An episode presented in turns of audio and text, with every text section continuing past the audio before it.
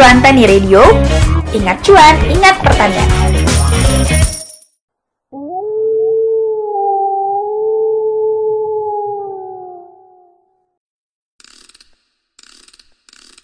Halo, kenalin, aku Vina.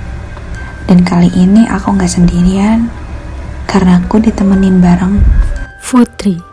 Sekarang kamu lagi dengerin Cuan Story. Jangan ke mana-mana, karena bakalan ada yang seru dan juga menegangkan di episode kali ini. Pada episode kali ini, aku dan Putri bakal bawain kisah mistis yang mungkin sudah tidak asing lagi di masyarakat Indonesia yaitu pesugihan. Banyak orang ingin mendapatkan kekayaan dari bisnis yang dimilikinya, namun dengan cara yang instan, dan salah satu caranya yaitu pesugihan yang melibatkan makhluk halus untuk membantu usahanya. Namun, itu tidaklah mudah. Semua yang dilakukan membutuhkan pengorbanan juga konsekuensi yang akan didapatkan. Asrul hanya terbujur kaku di atas kasurnya.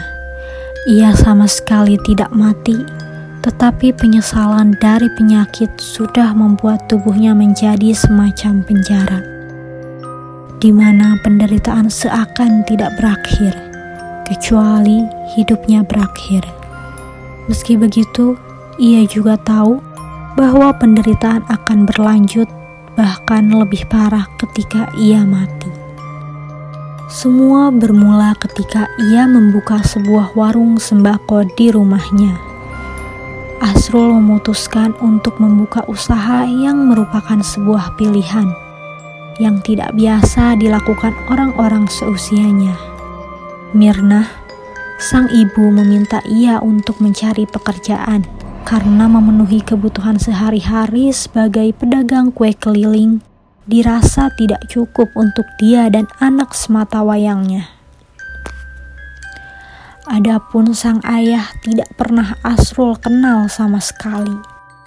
Ibunya bercerita bahwa sang ayah pergi dari rumah dan tidak pernah kembali ketika Asrul masih kecil. Maka dari itu, bisnis toko sembako ini tidak lepas dari balas dendamnya kepada sang ayah yang tak pernah ia temui. Asrul berharap suatu saat ayahnya bisa melihat dirinya sukses meskipun hanya memiliki warung sembako. Kita perlu uang, nak. Dan kamu mau main-main dengan uang sebanyak itu? Saya nggak main-main, ibu. Serendah itukah saya di mata ibu?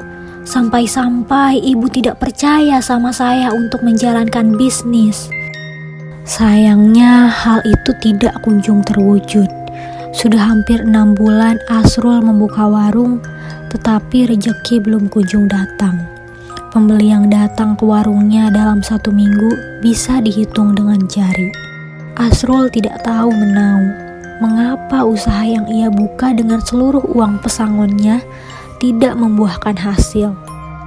Adapun ibunya hanya meluapkan amarah ketika melihat warung sembako Asrul tidak berjalan baik.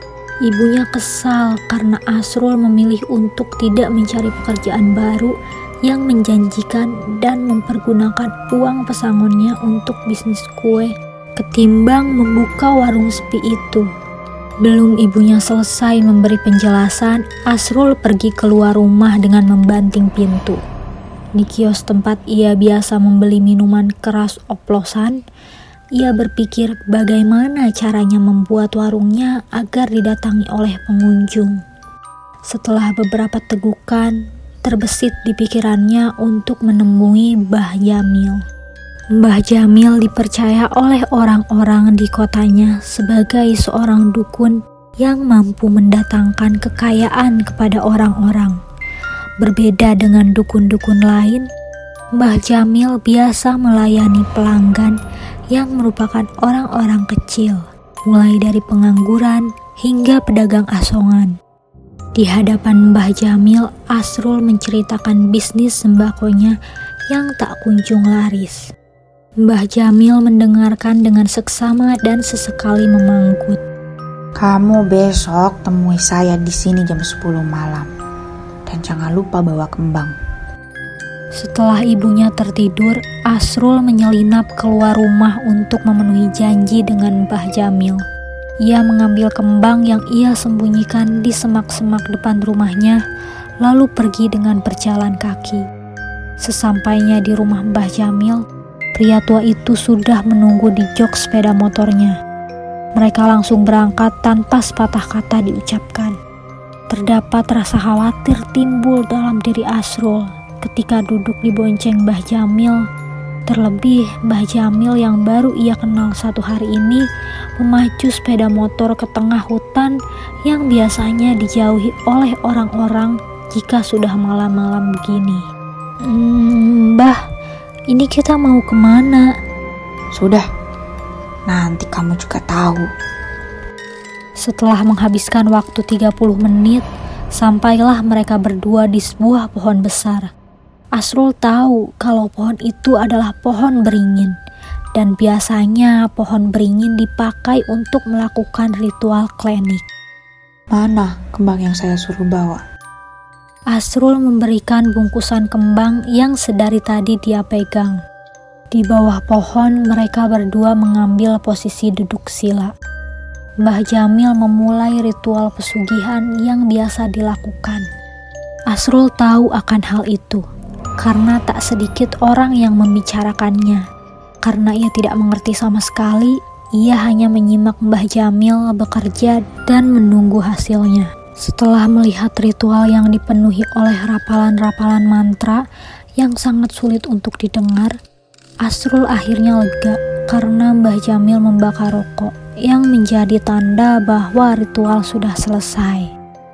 Ritual sudah selesai, sekarang kamu bisa mendapatkan kekayaan dari warung sembako kamu. Ucapan tersebut bukanlah hisapan jempol semata. Sehari setelah melakukan pesugihan di bawah pohon beringin itu, pelanggan Asrul bertambah. Seiring berjalannya waktu, Asrul bisa mendapatkan belasan pelanggan dan mendapatkan keuntungan besar setiap minggunya.